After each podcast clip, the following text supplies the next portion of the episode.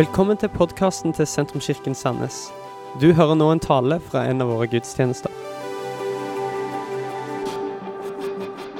Det er en, eh, en eh, ære og et privilegium å få være i Sentrumskirka. En av mine bestevenner i eh, det kristne landskapet Norge. Å komme til Sola lufthavn og se opp og Det er en veldig absurd opplevelse, for det er ikke én sky på himmelen og klissvåt på bakken. Veldig spesielt. Det er sånn naturfenomen på Vestlandet. Vet, vi, vi nordmenn vi liker jo å snakke om vær og sånn, ikke sant? Men her, problemet her er at du rekker ikke å snakke ferdig om været før det har forandra seg. Så innen samtalen er over, så er det irrelevant, det vi har drøfta. Men når det er sagt, så er det, så er det fantastisk å uh, fått lov å være her også med gjennom dagen. Og jeg vet at uh, dere har allerede hørt masse bra og blitt oppbygd. Og så har jeg noe på hjertet som er for i kveld. Så vi kan bare takke Herren helt enkelt uh, først. Og takk, Far i himmelen, for at du gir liv til ditt ord. Takk at ditt ord er levende, det er virksomt. Og jeg takker deg for at din ånd kan puste på det, gjøre det personlig bringe lys og innsikt i den enkelte sitt liv, Herre. Jeg ber for hvert individ i rommet her, uansett bakgrunn, uansett utgangspunkt for at de har kommet i dag, de skal få gå herfra oppbygd og med å ha sett mer av hvem du er, i Jesu navn. Og alle sammen sa Ja, dere har den liturgien her òg. Det er bra. Vet, um, jeg skal hjelpe deg med en effektiv metode som fritar deg fra å noen gang måtte ta noe forkynnelse på alvor. Jeg skal gi deg et frikort. Uansett hvilken utfordring du får, uansett hva møteleder, forkynner, sier for å liksom oppmuntre deg til handling på et eller annet område. Jeg skal hjelpe deg med en troverdig respons som fritar deg fra alle forpliktelser. Nemlig responsen 'Det der er bare ikke helt meg'. Den har alle respekt for. For i vår kultur er alle opptatt av å være seg selv, og alle vil respektere hvis du sier 'Det der er bare ikke helt meg'. I dag har vi hørt om det å være en bro til tro. Om å dele livet med Jesus i hverdagen og dele troen med andre mennesker. Du vet, Hvis du vil bli fritatt fra alt det der og slippe ansvar og forpliktelse og handling, så kan du bare si du, det der med å dele og snakke om Jesus med andre, det er bare ikke helt meg. Gjerne hvis du sier det på en litt sånn måte og legger hodet litt på skakke. Du kan si, når møteleder sier 'la oss lovsynge, tilbe', bruke stemmen vår, løfte hender, så kan du si jo, det er fint, det men det er bare ikke helt meg. Å tjenestegjøre, være på team, i en fast rytme, i en struktur. Postmoderne mennesker bare får eksem i nakken av struktur. Hver tredje uke er du gal. Jeg må gjøre etter som jeg kjenner liv. Det som føles naturlig, fordi det der å være på en sånn fast greie er bare ikke helt meg. Det blir skeivere og skeivere, det huet. Gi fast til kirken på en avtalegiro, et fast beløp. Det er bare ikke helt meg. Jeg liker å gi på inspirasjon og ettersom. Jeg kjenner nærværet. Vel, nå håper jeg dere skjønner ironi på Vestlandet òg, og det regner jeg med at dere gjør. Selv om vi snakka om det litt her tidligere i dag, at uh, ironi kan være litt forskjell mellom generasjonene. Og du som ikke forstår ironi, du vil ikke bare slite i kveld, du vil slite med meg generelt. Så det går bra. Dagens bibeltekst den handler om Moses og hva som skjer med Moses når Gud legger noe over livet hans. Jeg vet ikke om du har hørt det uttrykket før, å legge noe over livet. Jeg fikk høre det i min ungdom av øh, omsorgsfulle voksne som hadde tro på meg, som sa det her Gud har lagt noe over livet ditt. De sa det før jeg skjønte helt hva det var. Gud har lagt noe over livet ditt. En slags åndelig presenning. Og noen sa dette her, faktisk, og de mente det bare godt, men de sa til meg, ja, Thomas, du har vel en pastor i magen, du? Jeg, husker, jeg, jeg skjønte jo at de mente det vel, men, eh, men, eh, for meg var det en frastøtende tanke. Han pastor i magen. Det er greit å ha pastormage, én ting, men en pastor i magen det, var, det inviterte ikke meg til tjeneste, for å si det sånn. Men jeg skjønte hva de mente. Gud vil noe med deg. Gud har lagt noe i deg. Gud har lagt noe over deg. Og når Moses blir kalt, så er det eh, Vi skal ikke ta hele historien, men Moses er jo da selvfølgelig kalt av Gud til å dra tilbake til folket sitt i Egypt og fri dem fra slaveri. Og et lite utdrag av teksten i 2. Mosebok kapittel 3, vers 10-12, lyder sånn her, hvor Gud sier, Gå nå, jeg sender deg til farao. Du skal føre mitt folk israelittene ut av Egypt. Moses sa til Gud, Hvem er jeg? Kan jeg gå til farao og føre israelittene ut av Egypt? Gud svarte, jeg vil være med deg. Litt lenger frem, kapittel 4, vers 10-12. Men Moses sa til Herren, Herre, hør. Jeg elsker når folk begynner resonnementer til Gud og sier, hør på meg, Gud. Men litt sånn, du, du vet de kommer til å slite på et tidspunkt. Og du hører på meg. Hva, hva, hva forventer man når man skal begynne å forklare Gud? Forventer man at Gud skal respondere med Aha, det hadde jeg ikke tenkt på. Takk skal du ha. Den var, sorry, glem det jeg sa. Hør nå. Herre, hør. Jeg har aldri vært noen ordets mann, verken før eller nå, etter at du begynte å tale til din tjener, til meg. Sen er min munn, og sen er min tunge. Det er et genialt svar. Moses sier basically til Gud på hva skal jeg si, denne tidens kultur, så er det han sier, er Gud, det der med å lede, det der med å være et forbilde, det der med å proklamere frihet, det der med å ta risiko og gå i tro, det er bare ikke helt meg. Sen er min tunge. Sen er min munn. Det er simpelthen bare ikke helt meg. Moses sier basically det som alle Det som veldig mange nordmenn sier i starten av bryllupstaler. De begynner nemlig talen sin med Ja, nå er ikke jeg noen taler, men Er ikke det morsomt at folk begynner med Nå er ikke jeg noen taler, så holder de på i 25 minutter etterpå? Selvmotsigelse. Bare, jeg legger 100 kroner på bordet, Lisa, at uh, i ditt bryllup så kommer minst én til å til å si 'Nå er ikke jeg noen taler'. Og det er de som holder på lengst. Så det er et genialt svar. Ut fra Moses sin tanke så er det en perfekt unnskyldning. Det du kaller meg til, det du legger over livet mitt, det er bare ikke meg.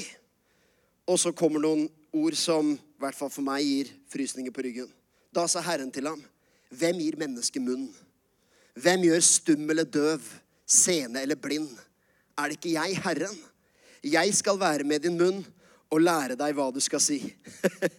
Hvem gir mennesket munn? Det er ganske mektig, for det Gud sier til Moses, er at det jeg deponerer ned i deg, trumfer hva du føler deg som. Er det Gud sier til Moses. Derfor så er min overskrift er ikke eh, det som, jeg, det jeg foreslo først her, nemlig eh, 'Det er bare ikke helt meg'. Det her er en litt provoserende overskrift. 'Ikke bare vær deg selv' er min overskrift. Tre enkle punkter og tre tanker som har å gjøre med at Gud har lagt noe over livet ditt. Det ene handler om å bli noe du egentlig ikke er. Og jeg, jeg, jeg, kan tenke at på en måte er det noe av det mest provoserende å si i vår postmoderne kultur. At du skal bli noe du egentlig ikke er. For saken er dette er at det ligger i evangeliets natur. I kristendommens vesen fra starten av så ligger det egentlig at du er blitt noe du egentlig ikke var. For eksempel så er det sånn at gjennom Jesus Kristus, gjennom forsoningen, gjennom frelsesverket som han har brakt i veie for oss, så har vi ufullkomne mennesker, syndere om du vil, blitt gjort 100% rettferdige, hellige, verdige barn av Gud. Framfor Gud så kommer ikke jeg bare med identiteten av hvem jeg egentlig er, en synder, en uhellig, en skrøpelig person. Men jeg kommer på vegne av det Gud har gjort meg som. Det han har gjort meg til. Han har gjort meg rettferdig. Han har gjort meg til en medborger av Guds rike, et medlem av Guds familie, så jeg kan komme med frimodighet. Så egentlig er dette er kanskje det, det viktigste for enkelte mennesker i kveld. Så er dette hele essensen av budskapet. At egentlig er hele det kristne livet handler om at Gud gjør deg til noe du ikke var. Faktisk så vil jeg si at det er ikke helt meg å være kristen. Det er bare ikke helt meg. Og det, er, det gjør meg egentlig i en glimrende posisjon for å ta imot evangeliet. Faktisk så er det sånn at Hvis du tror på Jesus og tror på evangeliet, så er det å være kristen er egentlig ikke noen av oss helt. Faktisk vil jeg påstå, hvis du, hvis du hevder at vet du hva, det der å leve som en kristen og en disippel Jeg tror jeg er perfect match til det. altså. Jeg passer veldig bra i den kristne troen så er det nesten som om det er en selvmotsigelse, for den kristne troen bygger på nåde. Den bygger på at Gud måtte gjøre noe som du ikke klarte selv.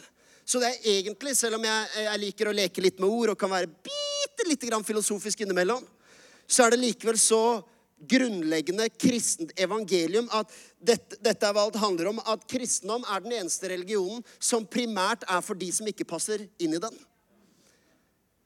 Og det å komme til tro på Jesus hvis du er her og er i en prosess Kanskje du har hatt en tro, kanskje du er eh, i en sånn mellomfase, du er på søken, eller du har, du har alltid avvist det.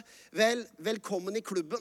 Hvis du lurer på om du passer inn i den kristne troen. For det er faktisk det hele evangeliet handler om. Det er at det Gud gjorde av nåde. Og det samme gjelder det som han har lagt inn i oss. For Paulus, forfatter av det halve Nytestamentet, som forfulgte kirken Han var en gudstroende, han var jøde, og han var fariseer. Så han trodde på Skriftene, trodde på Det gamle testamentet, men han hatet kirken.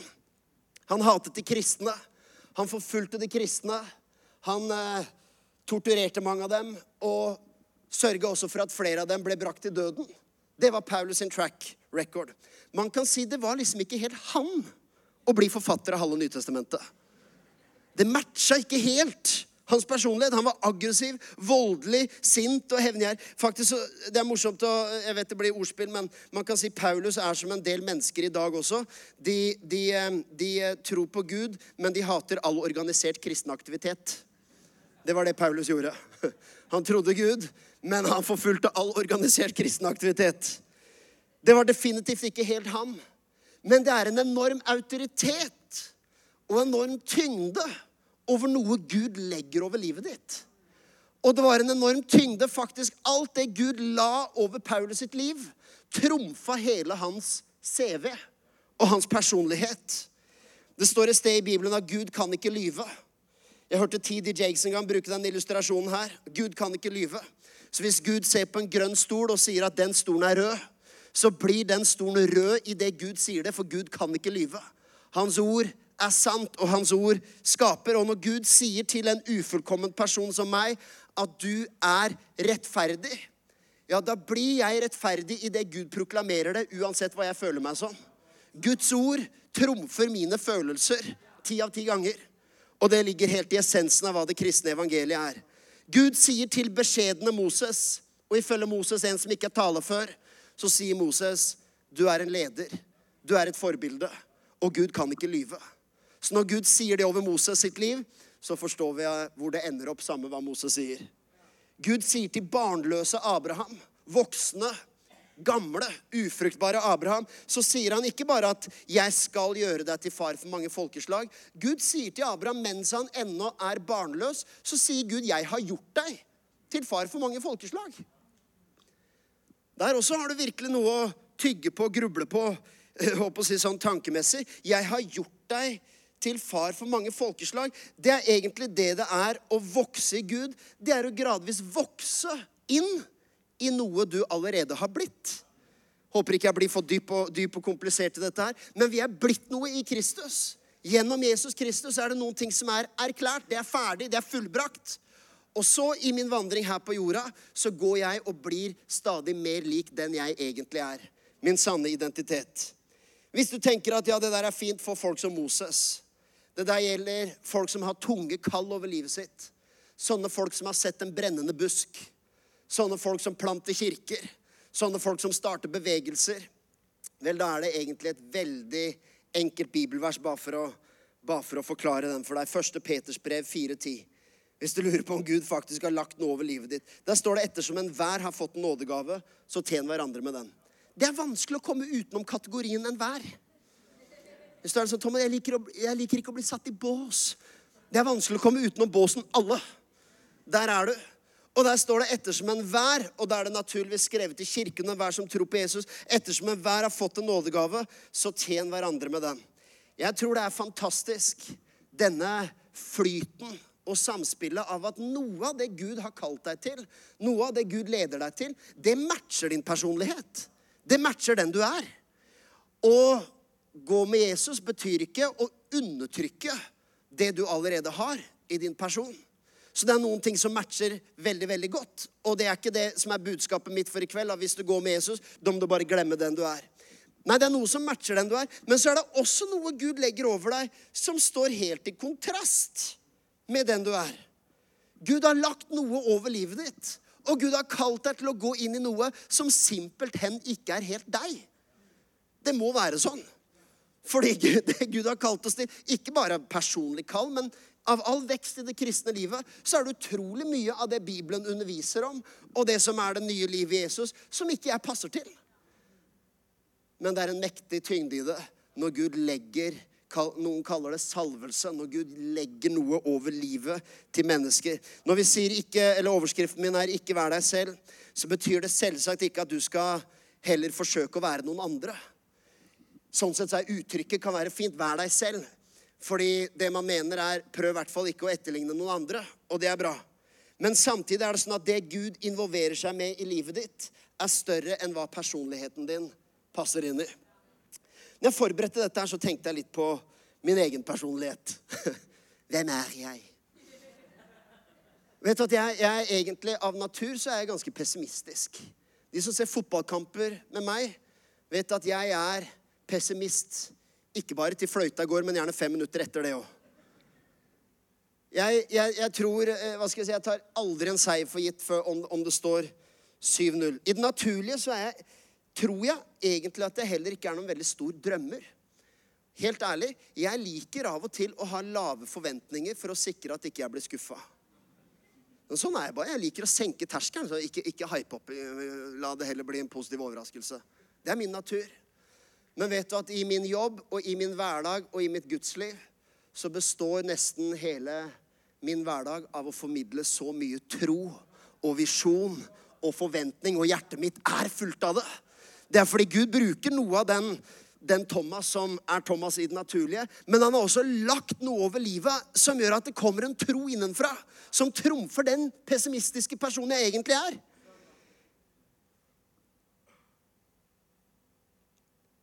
Jeg er egentlig en person som ikke Jeg liker ikke å be folk om, folk om tjenester.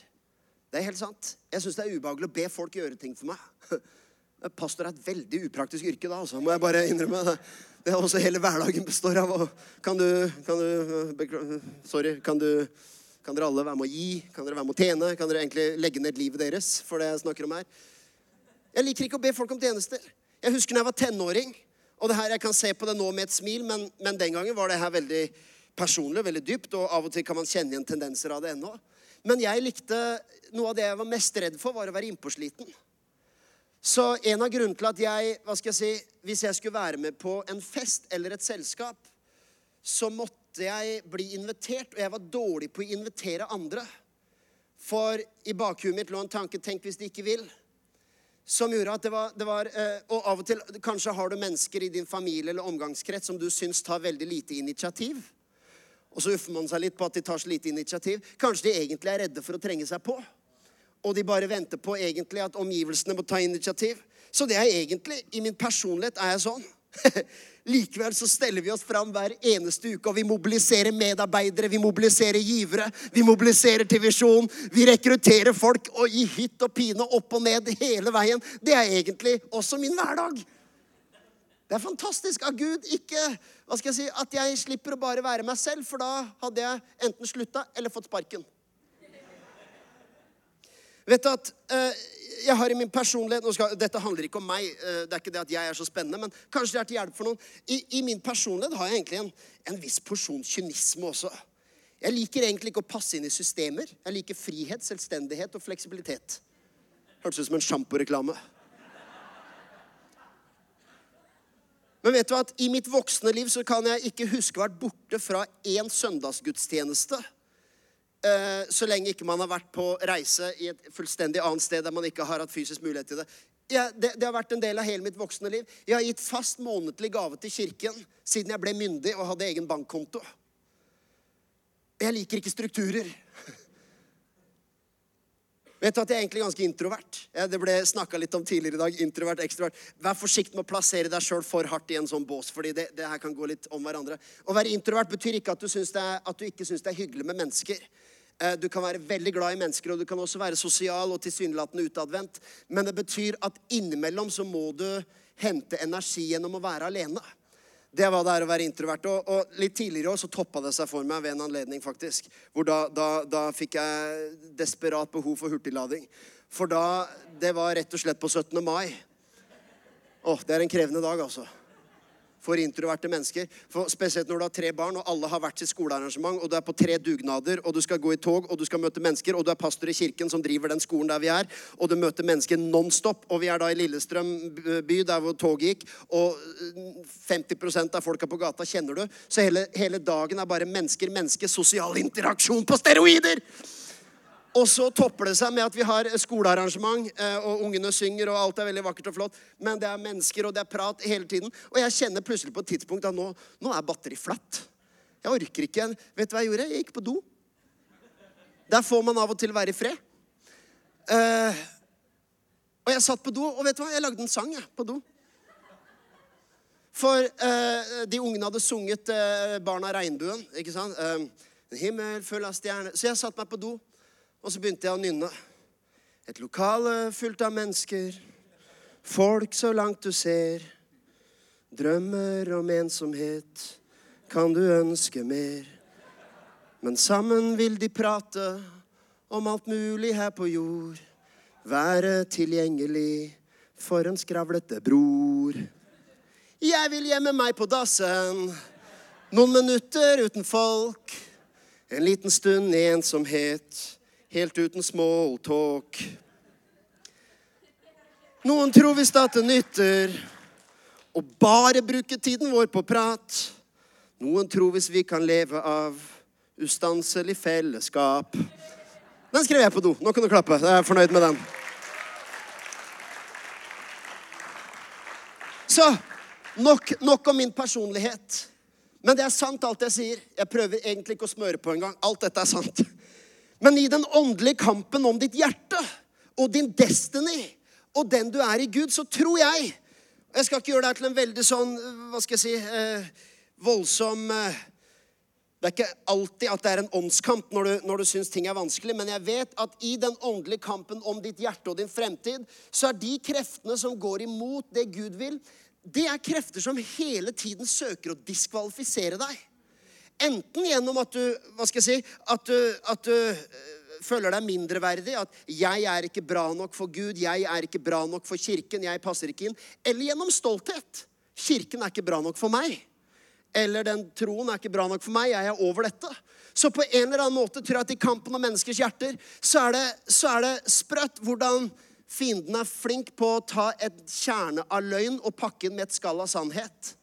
Så fienden kommer og sier noe om din personlighet som er sant, men formidler noe om din hensikt som er løgn. Og bruker din personlighet for å argumentere for hvorfor, hvorfor ikke du kan gå i det fulle potensialet i Gud.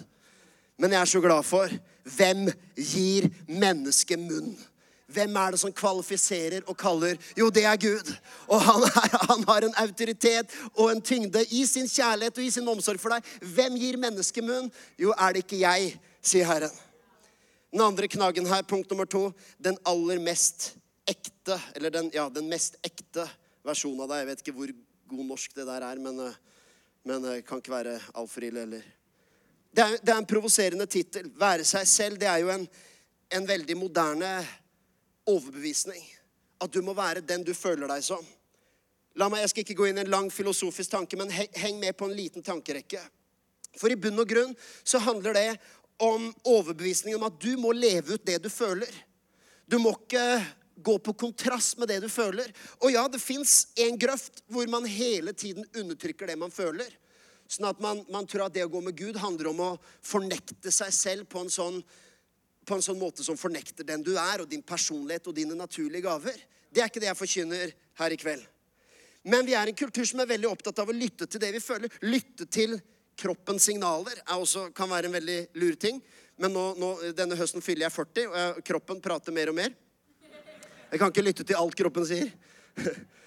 Når du nærmer deg 40, vet du hva en av tingene som skjer? Det, det kommer lyder hver gang du setter deg og reiser deg opp. Det er sant. Bare, se her. Hørte du det?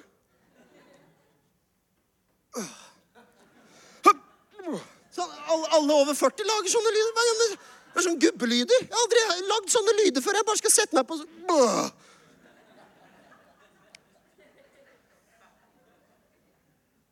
Jeg vet også jeg begynner å bli eldre fordi Instagram-feeden endrer seg.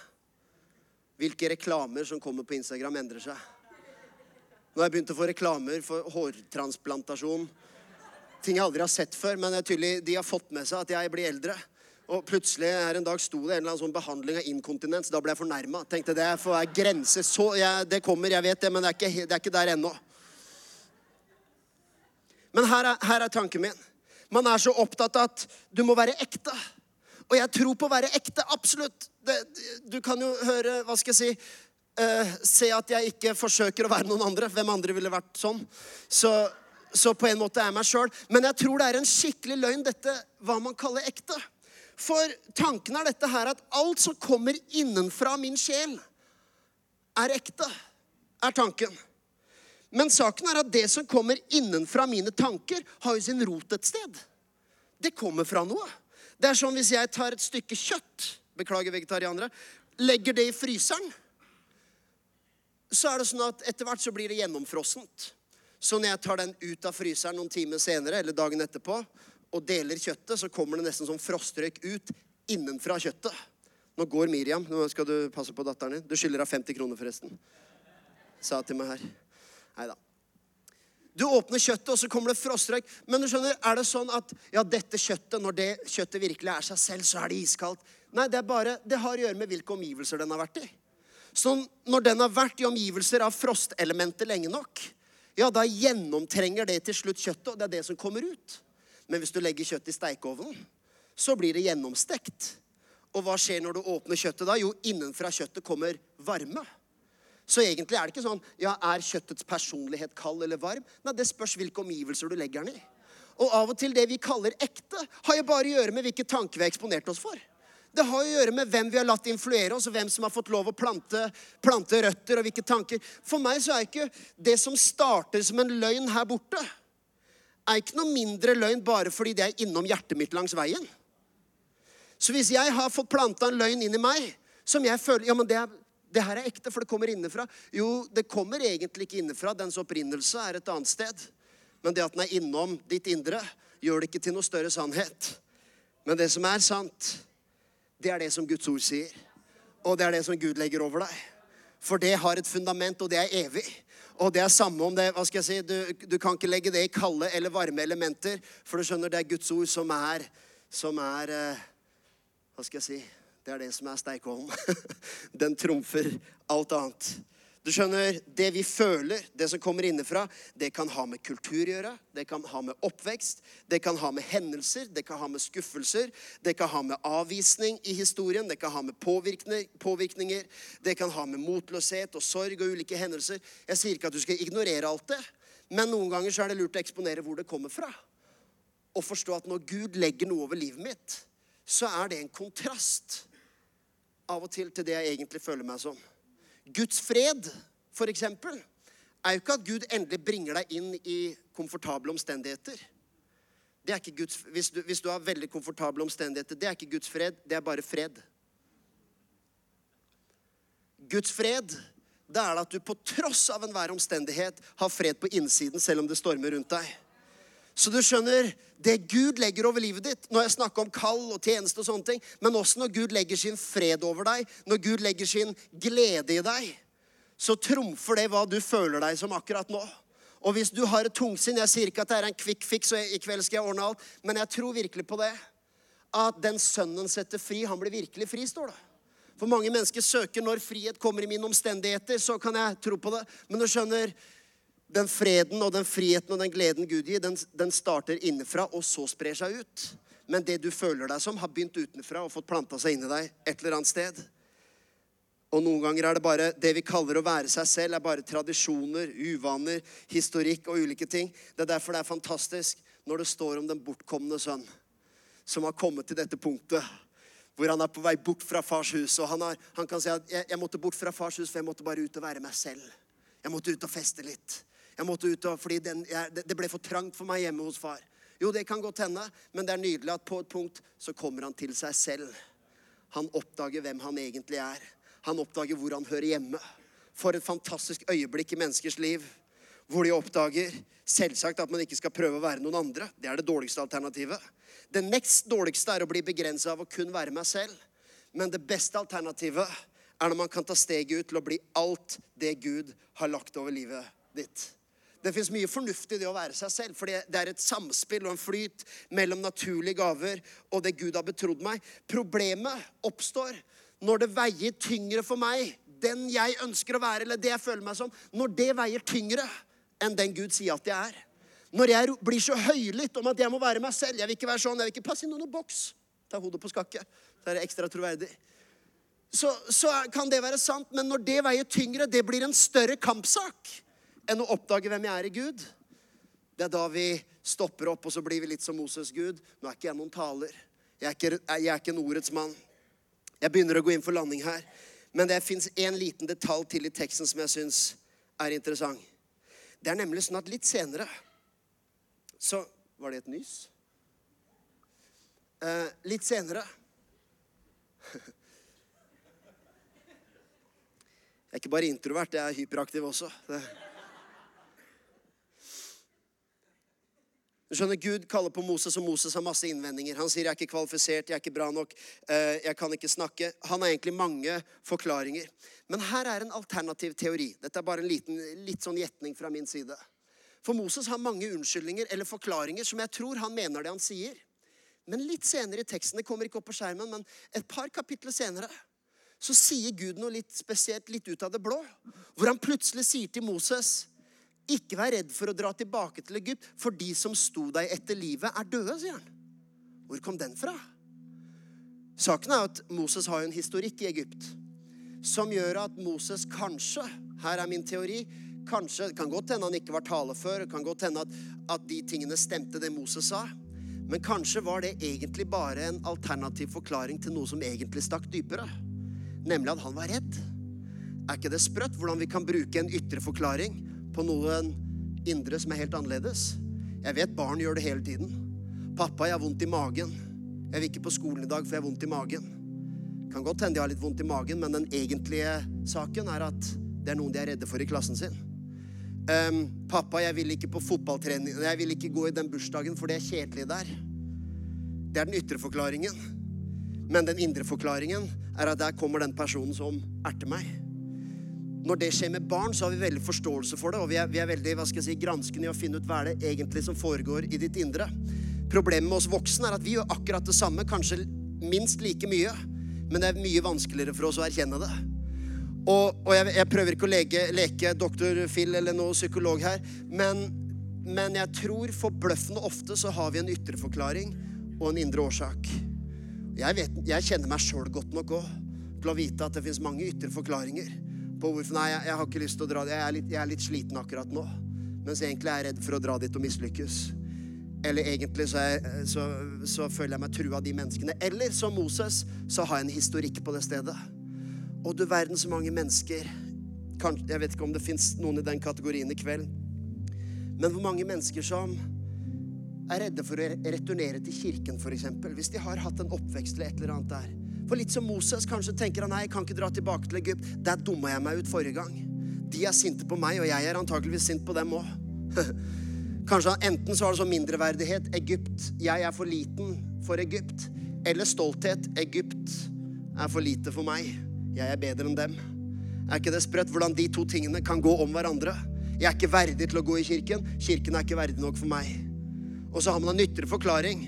Er kristne er irrasjonelle de er dumme, de er, for, de er, dømmende, så er kanskje det av og til ytre forklaringer på en indre frykt på at kanskje ikke jeg får til de greiene der. Kanskje jeg ikke passer inn. Kanskje ha en historikk et sted, så, så noen, noen, vil kjenne meg igjen. Og de vet konkursen jeg gikk gjennom, de vet skilsmissen jeg gikk gjennom. De vet de årene jeg gikk i livet mitt uten Gud. Noen av de så meg på fylla eh, for, for noen måneder siden. De, de, kjenner meg, så jeg kan ikke gå tilbake dit, fordi, fordi der har jeg en historikk, og det kommer ikke til å bli bra. Men vet du hva Gud sier? De som sto deg etter livet, er døde. Og jeg sier det også i en profetisk ånd til noen i kveld. Det, er ikke sånn at noen fysisk nødvendigvis står deg etter livet. Og det er ikke sikkert de fysisk er døde heller. Det er ikke det jeg sier. Men kanskje er det sånn at det du trodde hadde sånn makt over deg, og din personlighet, har sluppet taket. Av og til så har vi en forestilling om fiender som er mye større enn virkeligheten. Jeg vet ikke hvor mange ganger jeg snakker med mennesker som sier ja, han liker meg ikke, han hilste ikke på meg engang. Så spør jeg den personen stemmer det at du ikke hilste på, på hun derre. Hæ, var hun der?